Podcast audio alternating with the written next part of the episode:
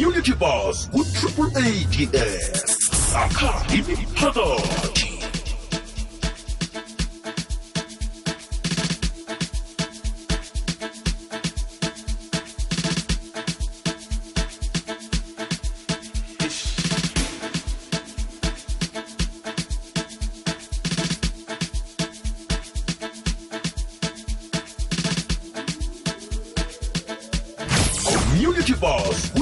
ads sakha imiphakathi njani nanjani vele siyayakha imiphakathi qobe ngelesibili ngalesi sikhathi? Lapho-ke siphandlulula khona abantu siveza into eziqakathekileko. Othi na uziqalileko uzibone ngasuthi akusinto eziqakathekileko kodwana-ke na ungenelelako uyiqala ngelihle lifenifenifeni ubona ukuthi heyi hayi kuyalimala la. Nangengahlomba ukuthi ngikhupha amehlo esikhumbeni ngiqala into le ngendlela efanele kuthanda ngiyiqala ngakhona. Hayi ngiyalimala la ntatona-ke nje sikhambisana-ke nodade ulina wakwamabhena usisazi-ke ngendaba zama-insurance. Sokuxoxa-ke ngokuqakatheka kwe-insurance yomuzi yendlu. Eh angitsho nje angithi i-insurance yomuzi ngoba usuyaba eh nomuzi. Wakhiwe ube wedwa lapho namtshana ke eh ube nendlu hlale nabantu eh ngoba ke ungahlali wedwa. Hlala nona kwakho mhlambe uhlala nobaba kwakho nabentwana. Kodwa ke into esiqalileko namhlanje sindaba yendlu le umakhiwo lo nezinto ezingaphakathi. Iqakatheke kangangani ukuthi zibe insured lo chance sesilina? Lotshani baba nivukile sikhona sigezwa ngapho. Hayi sivukile makwande. Hey siyathokoza mani ukuthola ithuba lokuqoqa nawe namhlanje si. Eh hey. Sikhuluma nazi indaba ekulu la eh ethi kuqakatheke kangangani ukuthi umuntu unendlu namtjana unomuzi umuzi akhe loyo namtjana indlu wakho leyo ibe insured um umbuzo obaluleke kakhulu loyo. Lento esithi insurance ihlukaniswe kabili. Mm. kunomshwalense wezakhiwo indlu right? Um and ukhuluma ngokonakala kwendlu njengoba usuyibekile ngawuqala I- um they bay- bayibiza ngokuthi structural mase bayibiza ngesintu kuye kube nomshwalense wempahla zangaphakathi. Mm. bayibiza ngokuthi i-content insurance. Okay. Um i'm sure sonke siyazi ukuthi sisebenza kakhulu sisebenza kakhulu ngamandla kakhulu ukwakha imizi lesikhuluma ngayo.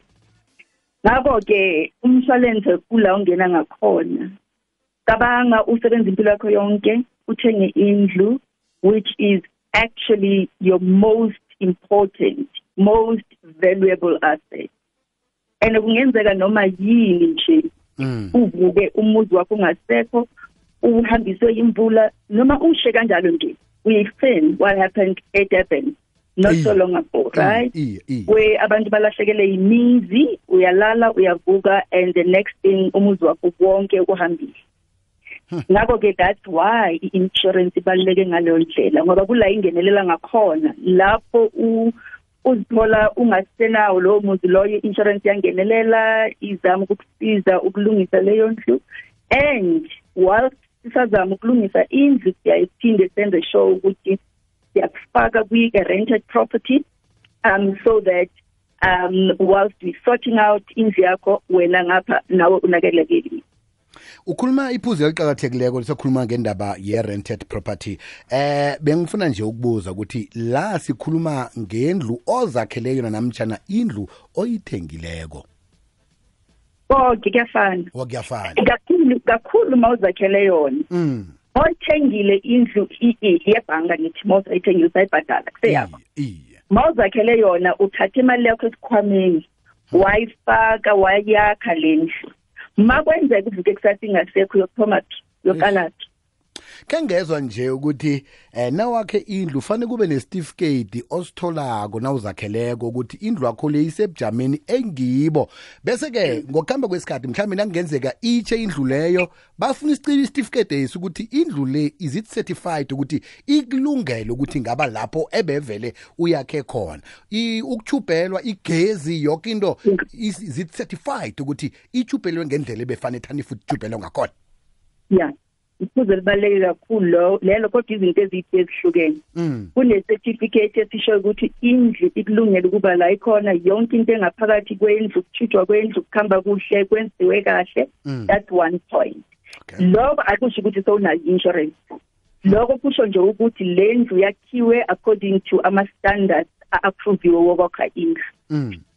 phezu kwaloko kumele usukume wena uhambe uyofuna i-insurance um baye bathi-ke mase uphumile uyofuna i-insurance bathumele abantu laba sibiza ukuthi ama-evaluators Mm. baze bazobheka ukuthi ngempela ngempela le ndlu yakhiwe according to the standards that's where i-certificate ingena ngakhona Mm. ngoba mabafika bazothi sicela ukubona i-certificate se-insurance sicela ukubona i-certificate sendlu sifuna ukubona ukuthi i-foundation was approved Mm. konke lokho bathatha lokho bese bakuyenzela i-evaluation yendlu yakho bese bayasho-ke ukuthi if kungenzeka ukuthi uvuke kusasa indlu yakho ishile noma ihambiswe amanzi insurance izokufikelela kuze kube la. Ilento esiyibiza ukuthi yi-value.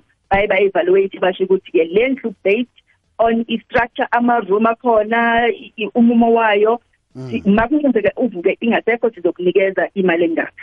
Alo thina ngoba nasisakhelwa babantu abakhona lapha endaweni esihlala kiyo ukuthi siyababiza. Nangubani banune ambaha siyababiza eze nabangani bakhe bazokwakha. Niyakhona ukuthi nis-inshore na?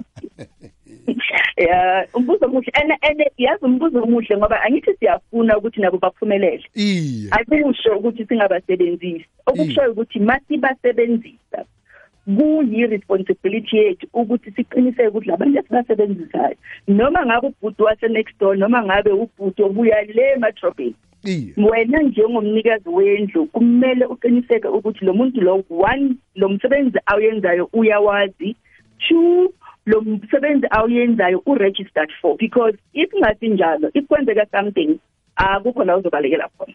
Thekile imali yakho ihambile Mm. isekingeni. Sihladlula-ke ngengikuphi efanele sikwazi efanele sikwenze sibabantu sizakhele izindlu eh indlu nasi ayijamile into efanele ngiyenze nje ngithi ngaphi?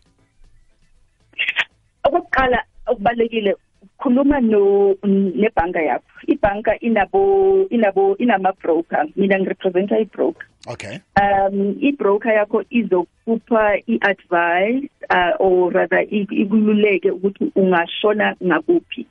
I think that is the first step that is the first thing that is critical Mm. emele umuntu ayenze mawufika ebhange bachazela ukuthi ngakhila indlu ngiyakhe ngendlela ezinjena um mara angina-insurance bazayibheka ke bayihlaziye njalo bese bakuxhumanisa nabo labo ama-evaluator babathumele ukuthi baze bazoyihlaziya le ndlu le mm. okwesibili each time uma wenza any alterations endlini make sure ukuthi uyayazisa futhi ibhanki whether uzakhele noma eyebhanka indlu Mm. as long as une-insurance because siyayithola ukuthi abantu bathenga indlu iyi-four rooms as an example umuntu Let's say yes. extend mm. abese aye-extend afake igaraji afake naloku afake naloku Mm. bese maqeda lapho angasayazi ukuthi i-insurance ukuthi hhayi le sakuseseyileyangangiyithengile sengiyiphuculile Huh. kwenzeke kube nesimo indlu ishe or indlu imoshwe imvula masifika thina siyibheke sithi kodwa amaphepha wethu athi le ndlu le i-four room mm. le garaji nalaamanye amarumu wafakela wekho emaphepheni ngalokho-ke kuba yi-under insurance lento ethibiza ukuthi i-under insurance. Uthola ukuthi u-insured indlu yakho maybe kumele sikubhadale five hundred thousand asisakubhadali five hundred thousand sesikubhadala hundred thousand ngoba la manye asinawo emaphepheni. Sesiyivala-ke ngombana-ke isikhathi asisekho siphelelwe isikhathi. Sibawa-ke ngiba ukuthi kungitshele um- um- ngempendulo yinye. Niyayikhavari i-r d p? Um, imbuzo o, o very important. Uh, I think sikabara sikabara any indlu noma yipi na yipi. Mm. Akhethe ukuthi indlu injani. As long as inamaphepha, as long as yakhiwe esi- esifanele. I think that's the most critical. Um, and what they do is sithumela umuntu azazobheka abheke ukuthi le ndlu isendaweni enjani. Remember i-insurance ihamba ngalento bathi risk. Ayi. So there's risk areas, there's risk um, assessment esiwayenzayo sibheke ukuthi okay la ikhona yakhiwe kahle singathatha malini and into ebalekile imali oyibhadalayo wena for i-insurance akusimali esizoyibhadala mina. Ziyahlukana zihlukana ngezindlu zihlukana ngendawo zihlukana ngomumo wendlu. So kunalento abathi it- Kunomehluko. it- asisi one price fit all. Eh ngonobangela wesikhathi ke siba usitshela inomboro zakho abantu abalaleli baza kucoca nawe ecadi bakuthola njani? Uh inumber zethu ziku-0860 123 999 asiyibuyelele godu? 0860 123 999 sesilina siyathokoza mani niragele phambili ngokwenza imisebenzi emihle sikwazi ukuthi siphephe siyindlu enzima siyathokoza makwande. Sithokoze khulu kwamambala silivala lapho-ke. Lanamhlanje si-community bus ngudade ulina wakwamabhena. Siye endabeni rawubona kumnyama khulu kuzokuvela 靠牛，你贵贵。